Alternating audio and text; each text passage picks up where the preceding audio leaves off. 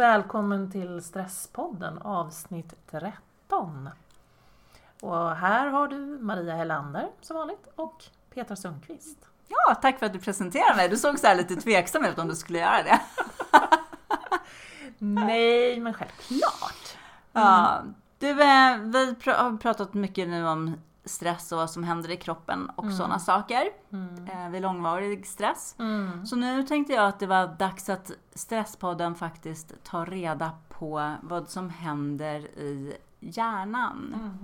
Och de olika delarna i hjärnan. Just vad som påverkas, både så här eh, rent eh, kortsiktigt men också eh, under långvarig stress så är det ju saker i hjärnan som faktiskt eh, inte funkar som de ska. Bland annat det här med minneslagring och sånt. Vad är det som gör det? Och eh, jag undrar om det här är saker som är, blir bestående i hjärnan eller ifall det reparerar sig igen och så. Ja. Så jag tänkte att vi skulle ta och prata med Åke Pålshammar som är forskare eh, på hjärnan om det här. Det är ju, ja, alltså jag tänker ju nästan att det är lite läskigt. Det du kommer få reda på. För jag, man tycker man hör så himla mycket om det här. Människor säger att oh, nej, men det är som att få en stroke, att råka ut och bli utbränd. Eller det, det påverkar hjärnan jättemycket och det går inte att reparera igen. Så det, det cirkulerar ju väldigt många myter, vad jag tror är myter. Ja, precis. kring det här. Ja. Ja, jag vet inte heller och det är därför det ska bli jätteintressant nu att ta reda på vad som händer och vad som inte händer. Och, mm. Just det, ta död på lite myter. Vi tar död på lite myter och sen så får vi kanske lite nya kunskaper och insikter också. Just Och lite aha-upplevelser. Så vi ser också vikten av att eh, ta hand om oss i tid. mm, Precis, innan hjärnan får stryk. Mm. Bra. Så vi säger hej till Åke Pålshammar då. Ja men det gör vi. Ja. Okej.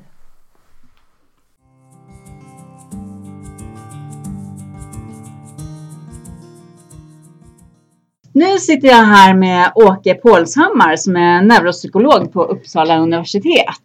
God morgon får jag väl nästan fortfarande säga. Ja, god morgon.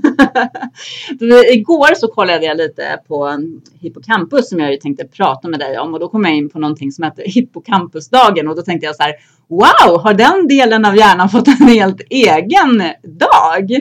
Men så var det ju inte utan det var ju något travlopp med hästar. Det Men det är lite kopplat till hippocampus då förstod jag. Ja, alltså hippocampus eh, betyder ju sjöhäst. Va? Ja. Det är såna här, det är små fiskar som simmar i havet. För att om man skär ut hippocampus i mänskliga hjärnan, om man Mm. obducerar och skär ut den där, Mm. då ser den faktiskt snarlikt ut som en sån här liten fisk, en hippocampus. Ja, okej. Så att eh, därför har namnet. Ja. Var i hjärnan sitter den Det här? sitter ganska rakt in i tinningloberna, lite ovanför um, örat kan man säga. Om du pekar in fingret där och trycker in, men gör inte det. Nej.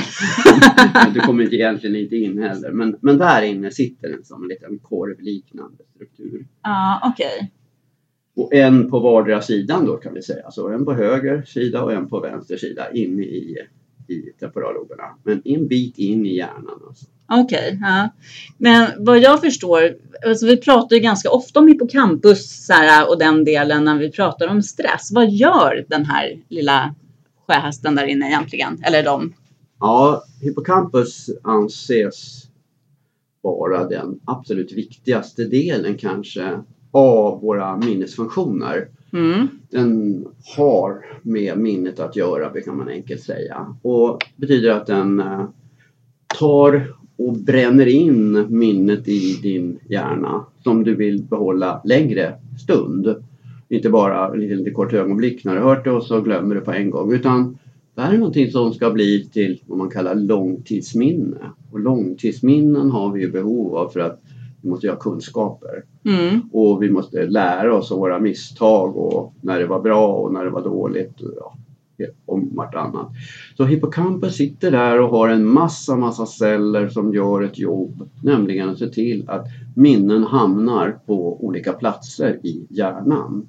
Och de erfarenheter vi gör befästs på det sättet. Så utan en hippocampusstruktur så blir det inga nya minnen. Så då, då går det här bara och så ser du någonting. Hej säger du till någon person som eh, kommer in genom dörren. Ja hej. Och så går den ut igen. Och sen efter en stund kommer den tillbaka. Och så säger du hej, säger du till den här personen igen och då är din upplevelse att du har sett, aldrig sett den här personen förut. Det är första gången du ser personen igen. Och på det viset så kommer du alltså inte få några varaktiga minnen och jag tror det blir fruktansvärt konstig värld att leva i. Men en del som skadar sin hippocampus de kan få den typen utav, av minnesstörningar kan man säga. Ja. Så hippocampus är busviktig. Så för att förtydliga, så hippocampus den lagrar inte minnen utan det är mer som en eh, station som skickar vidare då till Ja, den ser till att alla saker som du får in genom eh, ögon och öron och luktsinnet och allting, alltså alla den informationerna, de måste på något vis tas om hand. mm. De som är viktiga och därför så har hippocampus funktionen att lite grann se till att vissa av de här minnena, de lagras in i en del av hjärnan och andra eh, bara försvinner. Mm, Okej, men är då den delen av hjärnan, hippocampus, är den också då den centralen som plockar upp minnena när vi kommer ihåg saker? Eller? Ja, det är nog ganska troligt att det är så. Här finns det lite olika teorier vad det skulle kunna vara. Men det mest troliga är att den också är verksam när det gäller att ta fram minnet igen. Mm. Och då är det inte så att minnet bara finns placerat på ett enda ställe i hjärnan utan det visar sig att minnen med hjälp av hippocampus sorteras och läggs på olika ställen. Så syndelen av ett minne, de ligger på ett annat sätt än hörseldelen av ett minne. Mm, okej. och de här delarna måste också fogas samman som du säger i samband med att vi ska försöka erinra oss någonting och minnas någonting. Och där är också hippocampus väldigt, väldigt viktig. Men jag tänker när vi eh, är stressade, inte det här bara bra stressen för en kort stund, för då är vi väldigt fokuserade och skärpta, utan mer den här som ligger och pyr in oss hela tiden. Då blir ju ofta, många av de första, bland de första symptomen är ju minnessvackor och sånt. Är det hippocampus då som blir påverkat av stressen? Ehm, Ja, det är ju inte bara rakt upp och ner så att man kan svara ja på det utan det som händer när man är väldigt eh, småstressad och känner obehag det är att väldigt mycket av din uppmärksamhet riktas åt eh, annat håll än vad det borde riktas mot. Mm. Att ska du lära dig någonting och så gör det ont i huvudet eller du tänker någonting störande sådär att oj, hur ska jag hinna det här? Och då kommer alltså uppmärksamheten för den sak du ska lära dig att bli mycket, mycket mindre. Det blir störd helt enkelt. Och därför så kommer inte hippocampus överhuvudtaget att få så mycket att arbeta med av den här typen som nu ska jag verkligen komma ihåg det här och det här ska jag kunna till imorgon. Och så här. så att eh, det kan mycket väl vara så att helt enkelt din uppmärksamhetsförmåga har blivit eh, liksom påverkad och fokuseringen som man ibland kallar den då när uppmärksamheten riktas mot något alldeles speciellt. Någonting du läser i boken eller Mm. någonting du hör. Eh, den delen den är alltså väsentlig för att du ska minnas någonting efteråt så att du får en ordentlig fokusering. Och då, i det ögonblicket när du får ordentlig fokusering, då, då hjälper normalt hippocampus till att se till att det här blir till ett långtidsminne. Om du framförallt repeterar eller, eller på något vis eh, gång på gång träffar på den här tanken eller den här, gör de här sakerna, för det kan vara manuell aktivitet, alltså gör någonting, håller på och bygger någonting eller fixar någonting.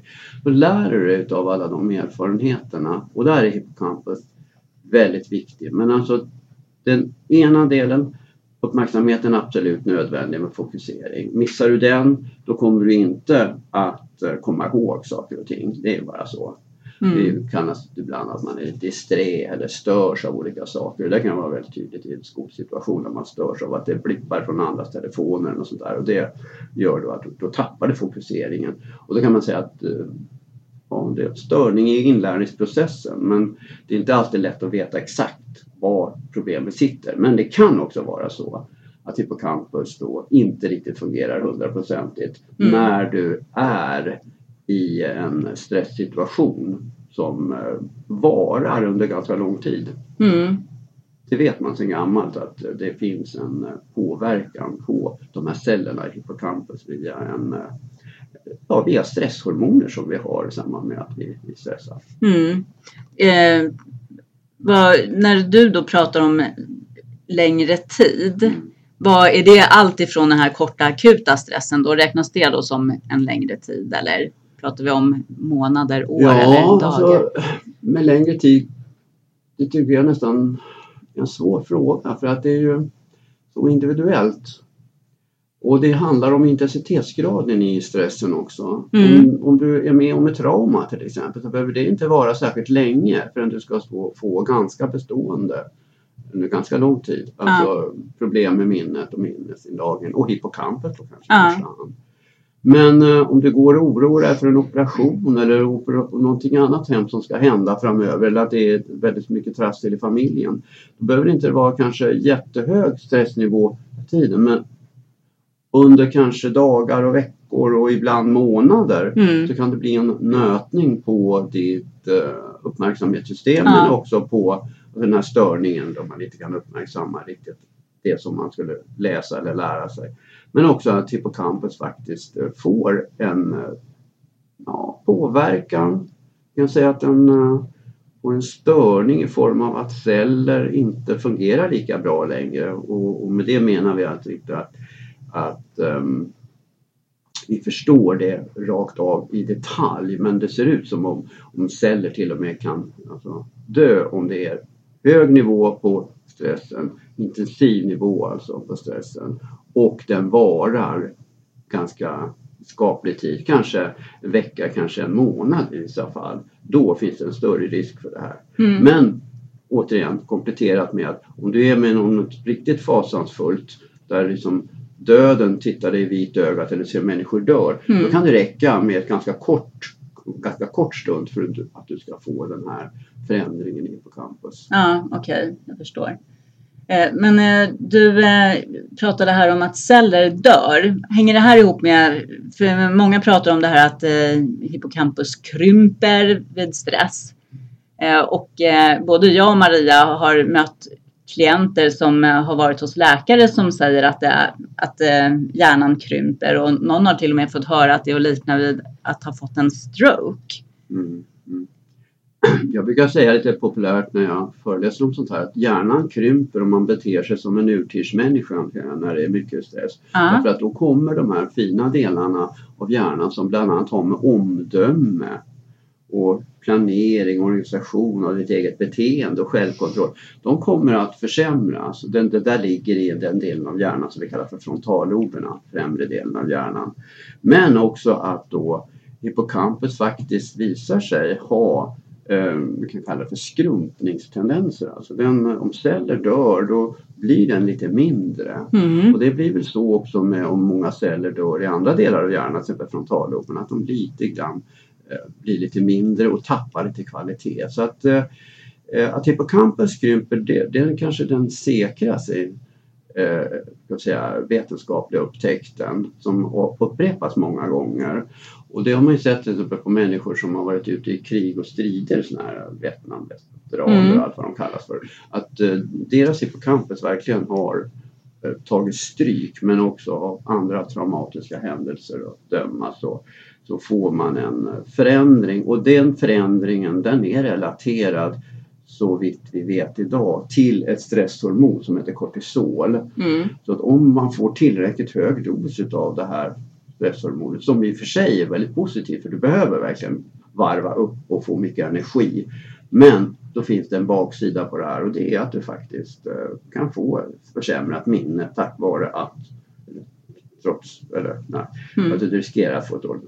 Det, det långvariga kortisolet som eh, Ja. då Alltså det kortisol som du producerar det är ju någonting som händer när du har tung stress. Mm. när du har bara kortvarigt lite lätt att du missar bussen eller att det var någon så här lite, lite småstressad. Då är det nästan alltid bara adrenalin, noradrenalin som aktiveras. Mm. Det är snabba tillslag men det sjunker ganska snabbt igen. Men kortisolet är lite tyngre och det har lite mera potens kan man säga då. Eh, men som sagt, om man får för mycket av det för länge så kommer det att finnas negativa verkningar. Bland annat på hippocampus men att du kanske också blir får sänkt immunförsvar, du blir som sämre på alla möjliga olika sätt. Så Mm det blir för mycket helt enkelt för hjärnan och eh, kroppen att härbärgera. Mm. Men det här som vissa får höra att det är att likna vid en stroke, kan man, kan man dra det så långt? Jag tycker inte att det är, kanske är riktigt, riktigt eh, på pricken. Men eh, det är kanske i närheten i alla fall att hjärnan får en, en kyss så att säga som gör att eh, du kommer att fungera sämre under en period. Mm. Kanske lång period till och med. Om du inte försöker reparera den här delen av med eh, hippocampus då i en, ett sämre skick. Mm. Men vad, vad har eh, hippocampus mer? Vi pratar om minnet och att liksom den är viktig för inlärningen. Men vad har den mer för funktion vad det gäller kring stresskontroll och sånt? För jag tänker vi har ett alarmsystem som ju slår på när vi känner att vi är utsatta för hot. Mm. Eh, som då, vi kan väl säga förenklat att det är gasen liksom i vårt system. Men där är inte hippocampus eh, alls involverad. Det-. Väldigt lite utan där är det framförallt eh, hypotalamus och amygdala. Ja. Man skulle kunna säga att vi har då eh, regleringssystem som märker att nu är det obalans, nu är det höga krav. Mm. Och då aktiveras till exempel sympatikussystemet i kroppen och då får du det här med ökad puls och ökat blodtryck och du får alltså en helt annan eh, aktivitet i hjärnan än tidigare. Så att, Vad, men, menar du nu det aktiva systemet? ja, det aktiva, det ja, kallar för Ja, alltså gasa. ja. Och det där att gasa upp hjärnan, det är ju väldigt viktigt att man kan göra det. Men Mm. återigen, om du, om du tar upp det här med kortisolet en gång till, då, då är det som att trycka gasen i botten och så hålla kvar pedalen där.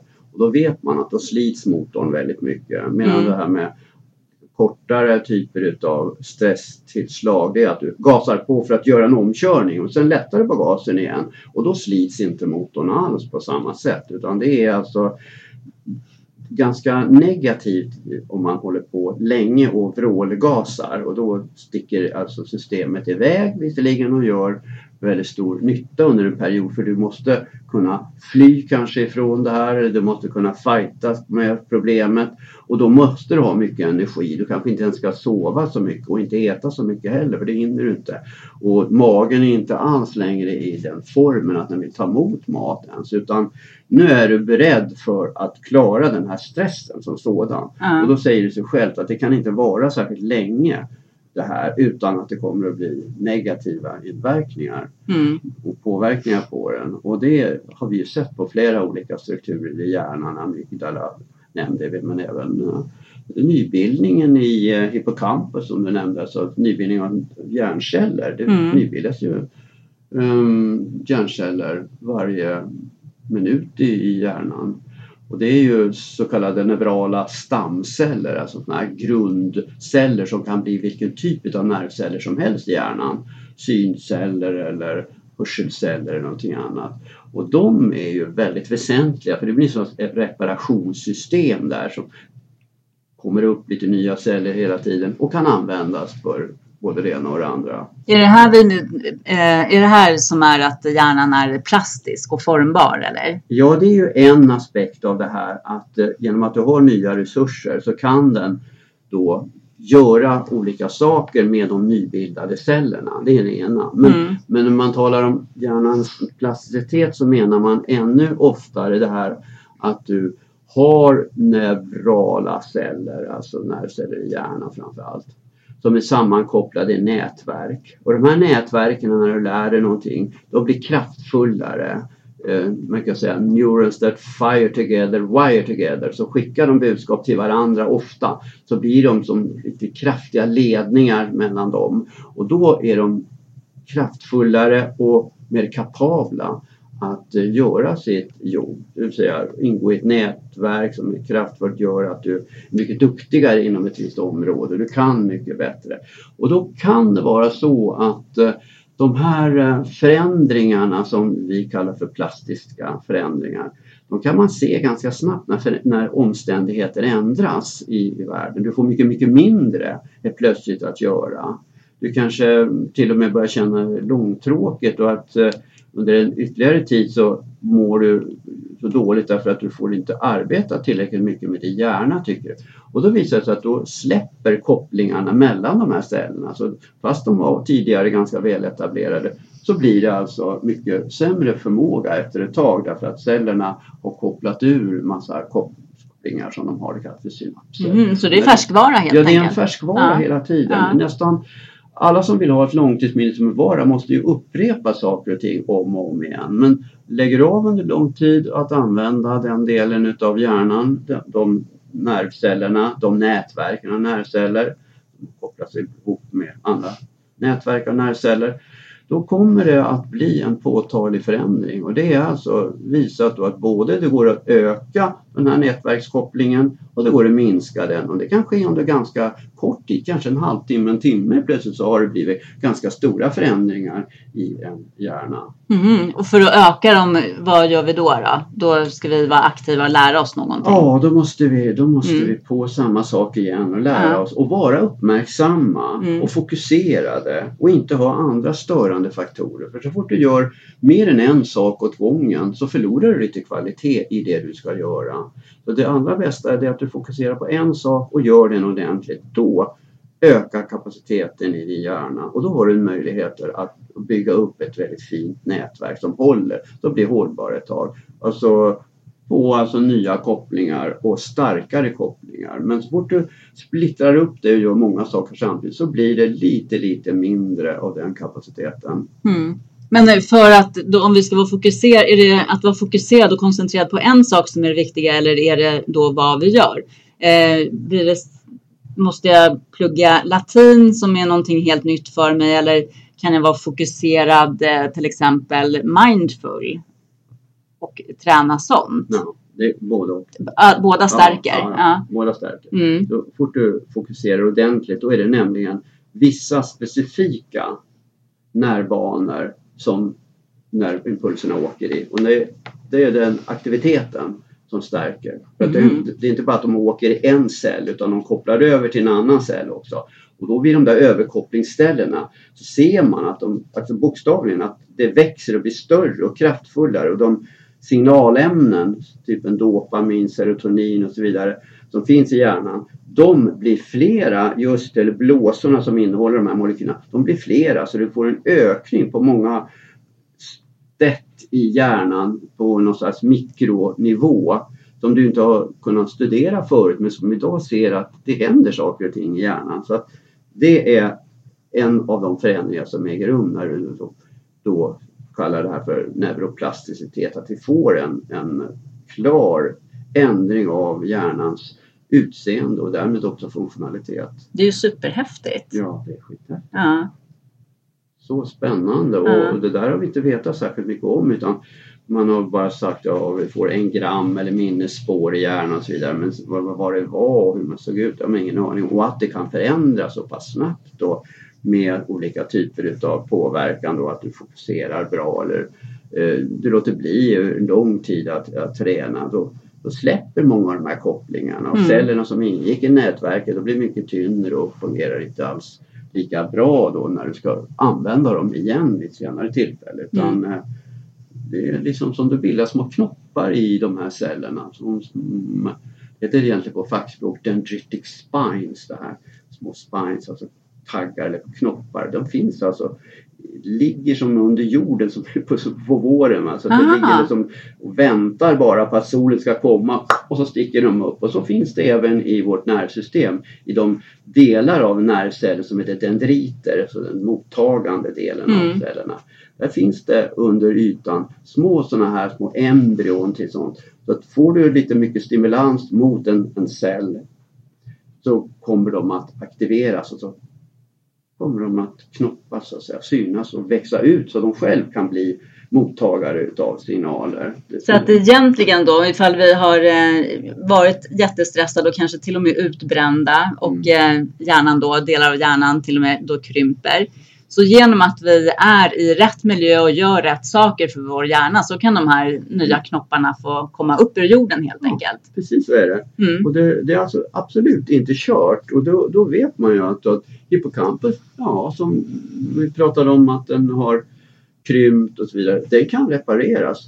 Mm. De nybildningarna av uh, stamceller som liksom upphör vid stress, vi Mm. kanske inte nämnde det, men alltså om man stressar då visar det sig att den här nybildningen utav stam, neurala stamceller den upphör eller minskar väldigt mycket. Den kan återupptas också. Mm. Så att man ser att jaha, nu börjar det bildas celler igen. Mm. Och så att flera av de här händelserna med nya knoppar, kopplingar som inte har varit så, så bra på ett tag. Det går att genomföra och det ingår i det här med neuroplasticiteten. Ja. Att Det händer fantastiska saker i hjärnan. Och det går veta. ganska snabbt då? Ja, det kan gå Ja. ganska snabbt. Ja. Men är man ordentligt bränd så att säga, Ja. vi kallar det brand för utbrändhet Ja. eller att man har stressat ihjäl. Då ska man inte vänta sig att det bara går på liksom en kafferast direkt utan Nej. då kan det ta både veckor och månader och kanske ibland år och det är inte säkert att det blir någon fullständig läkning heller men det finns en enorm potential Mm. i alla människors hjärnor ändå som vi kan framhålla om man då har en mera så dyster idé om att nu är det kört, nu har en massa celler dött eller nu har det, funkar de inte.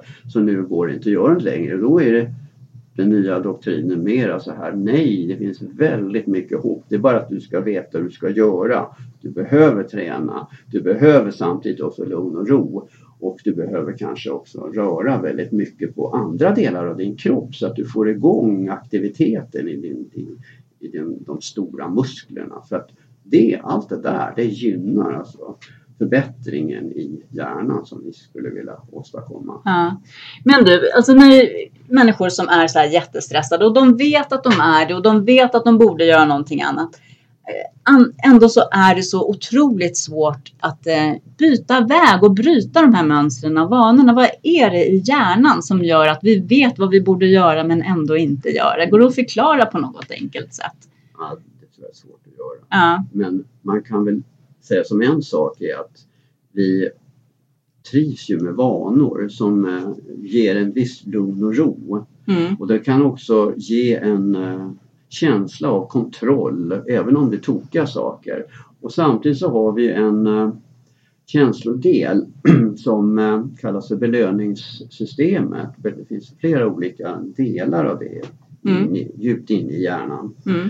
Och de drivs ju av ett ämne som heter dopamin. Och vi vet att när det där fungerar som bäst då får vi väldiga kickar, alltså positiva njutbara kickar. Och det kan ju faktiskt vara så att vi är kvar i en vana, ett sätt att vara på som också är destruktivt. Därför att det ger av någon anledning en kick i de här belöningsområdena. Vi känner behag när vi gör en viss sak och då är det väldigt svårt att bryta vår vana fast vi borde göra på något annat sätt Ja. så får den här belöningen ändå som effekt att vi fortsätter att upprepa ett beteende enligt någon enkel inlärningslag som säger att beteenden som förstärks de tenderar att bli kvar och förstärkas. Mm.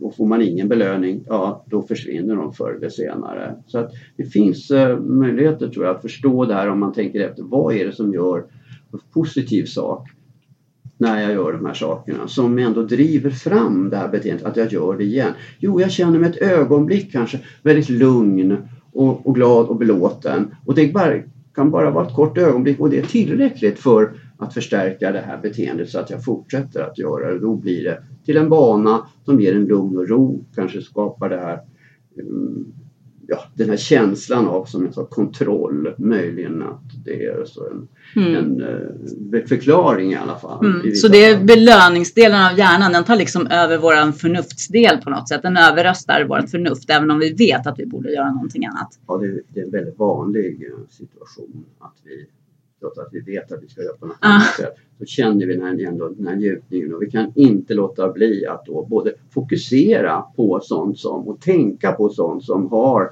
med den belöningen att göra. Det här, det här skulle vara skönt att göra ändå. Fast man vet, nej men du i långa loppet så kommer jag bli väldigt fet om jag äter så här så här. Men ändå, ja men just nu i alla fall en liten hamburgare och lite Coca-Cola. Ja. Vad- eller vad det nu kan vara för någonting. Och då fortsätter det här så att säga. Så att belöningsområdena har vi fått, tror jag, evolutionärt. Därför att de i första hand då ska garantera vår överlevnad och Mm. artens överlevnad. Det är därför det är kopplat så intimt till äta, dricka och sex. Va? För Mm. att vi ska liksom få de här sakerna uppfyllda. Mm. Och då, då, då får det liksom inte vara så att jag tvekar och säger nej jag borde inte äta eller ska strunta i att äta, det smakar inte så. Utan det ska vara så otroligt skön kick när jag är hungrig att äta så att jag återigen vill göra det och göra det igen. För Mm. annars så skulle jag ju dö helt enkelt. Ja. Så att, eh, det där har byggts in men då visar det sig att de här receptorerna i hjärnan, de här som tar emot signaler från andra celler och ger den här belöningen. De, eh, de reagerar idag på en väldig massa andra saker också som vi har i överflöd. Mm. Och därför är det lätt att, så att säga, få ett sånt här kallat beroende för många, många olika, inte bara kemiska ämnen utan också beteendemässiga Ja, beteenden, saker. ja, precis. Ja. Träna väldigt, väldigt mycket till exempel Mm. kan ge en sån kick. Mm. Men också se på vissa tv-program eller göra någonting som eh, ger en, en njutning helt enkelt Mm. i, inom oss. Och det kan ju variera väldigt mycket Mm. från person till person. Men att, att uh, shoppa är ju en sån här liten rolig detalj i sammanhanget. Att man bara köper ja. ett par skor till. Jag måste ha de där. Det var en fantastiskt fina skor. Men du har redan 60 par skor liksom. Hallå, ska du?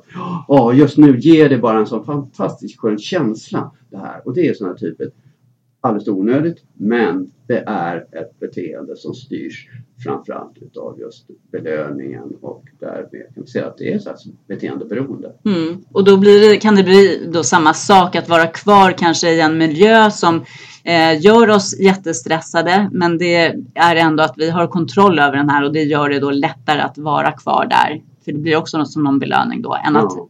Än att bryta det här och göra någonting Det, annat. det är betydligt eh, större ansträngning och mer obehag med att, så att säga, inte satsa på ett vinnande lag om man kallar det Ja. för, att, att inte fortsätta med det som vi håller på med fast Mm. det finns negativa sidor på det.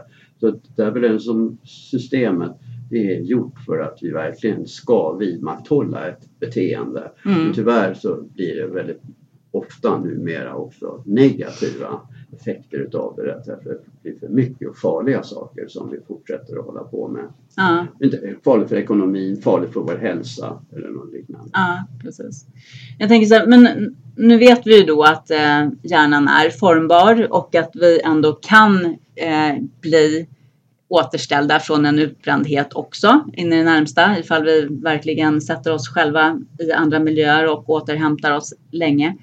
Eh, men det verkar ju ändå som att det finns någon skörhet sen ifall vi har blivit så pass stressade, sjukt stressade så att vi blir utbrända. Som att liksom isen är tunnare sen, att man lättare hamnar där. Vad beror det på? Ja, det är väl så här att när hjärnan formas och särskilt om det här sker under eh, ska säga, ungdomsåren eller barnaåren. Mm. När hjärnan är i utveckling då sätter det här spår bara helt enkelt. Mm. Då vi, eh, vi hottar upp till exempel våra amygdala lite grann. Den är den här som är kopplad till rädsla och känslor. Ja. Obehag kanske. Eh, och den blir då kraftfullare. Så de här cellerna de blir kraftfullare hopkopplade. Och den blir känsligare av den anledningen. Vi får en, en större kapacitet i amygdala men det är ju inte alltid positivt för oss. För då kanske vi reagerar på små bagatellartade saker och blir nervösa och går upp i, i nivå och aktiverar oss och blir stressade. Och när det där väl är etablerat i, i hjärnan, att man har en sån här kallar ibland för sårbarhet eller skörhet för att det har ju de effekterna att vi vi blir skörare för massa stimuli som vi ändå måste ta in ifrån omgivningen och leva i miljöer som inte alltid är bara rofyllda utan vi måste tåla lite grann också för att eh, överleva i en komplex social miljö. Ja men då har vi en eh, tendens att eh, reagera mycket kraftfullare senare Mm. i samma situationer därför att vi har den här negativa erfarenheten tidigare med oss.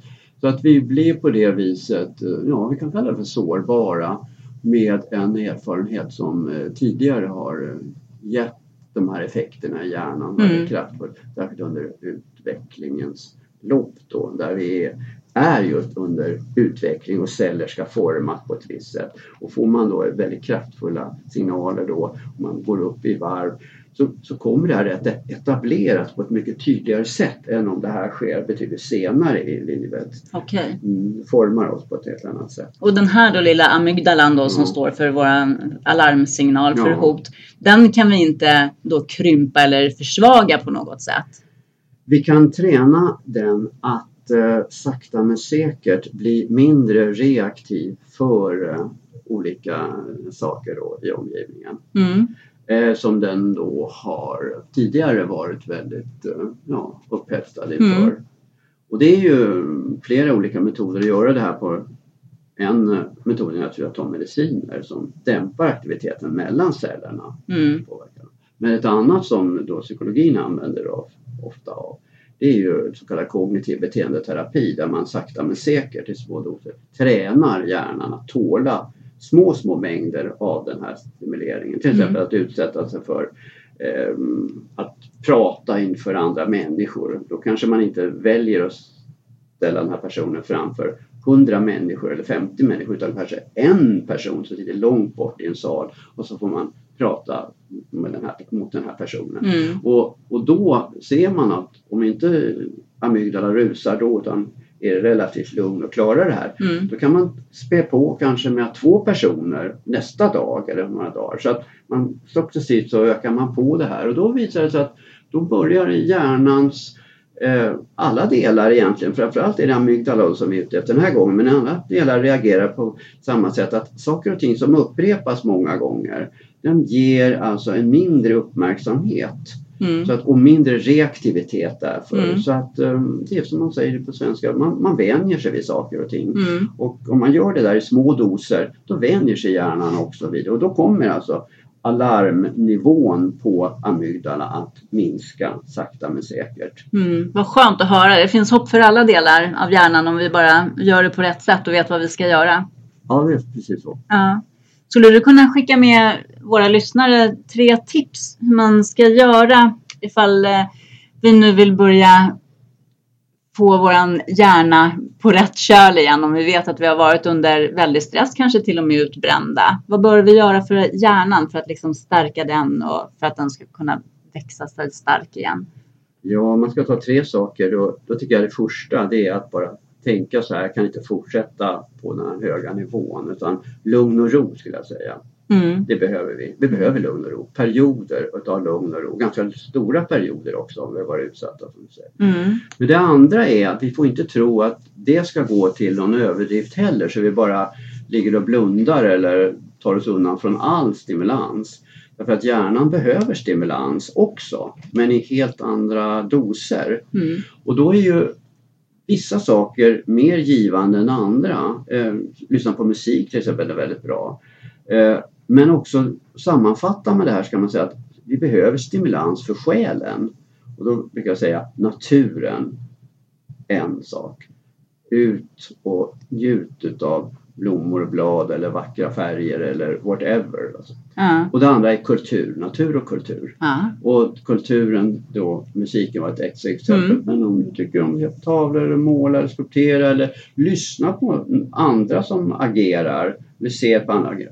Då är det en sak som inte utmanar hjärnan på det här negativa sättet som har gjort att du har blivit kanske utbränd eller fått för mycket utav. Så natur och kultur är den andra grejen. Lugn och ro det första, stimulans för själen det andra och den tredje, vilket jag senare tid har verkligen ökat i uppmärksamhet och är viktig, det är fysisk aktivitet, det vi kallar för motion. Ja. Så att så mycket du kan och orkar med att träna de stora musklerna, inte sitta bara och knäppa tummen och pekfingret för att byta kanal utan, utan alltså att egentligen röra på dig Ja. ganska mycket. Då visar det sig att om man, gör det så att det passar en själv och med de saker man gör, då förbättras oddsen för hjärnan väldigt mycket och då stärker du din hjärna och då kan du komma ur den här svåra situationen också lättare än om Mm. du inte gör det alls. Mm. Ja. Wow, jättespännande Åke. Tack för att du tog dig tid till Mm. Stresspodden. Ja, tack så mycket Tack. för att du fick fråga.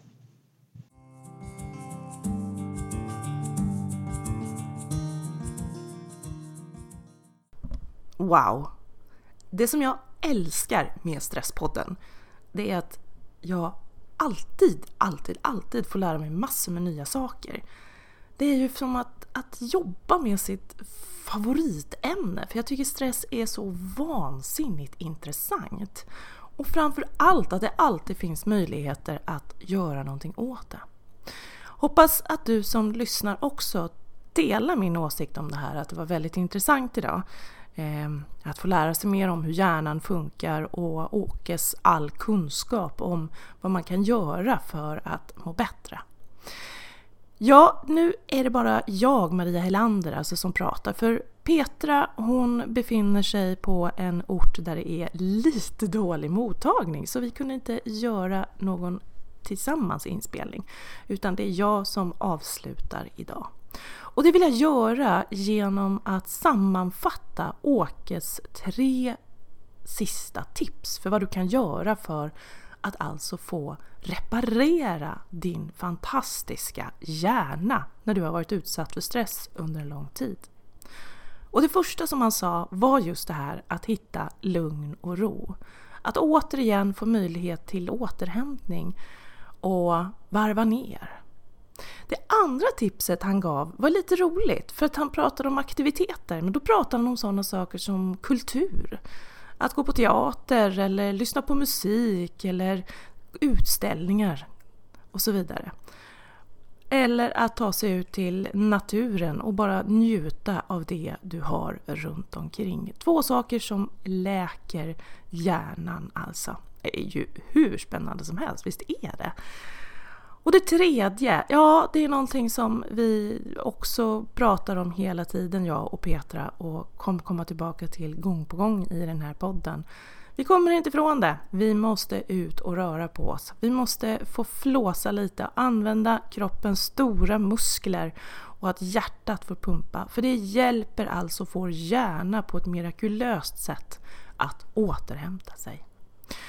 Så med det underbara kära lyssnare så tänker jag eh, eh släppa iväg er, höll jag på att säga. Så att ni får gå ut i skogen eller, eller ut och röra på er.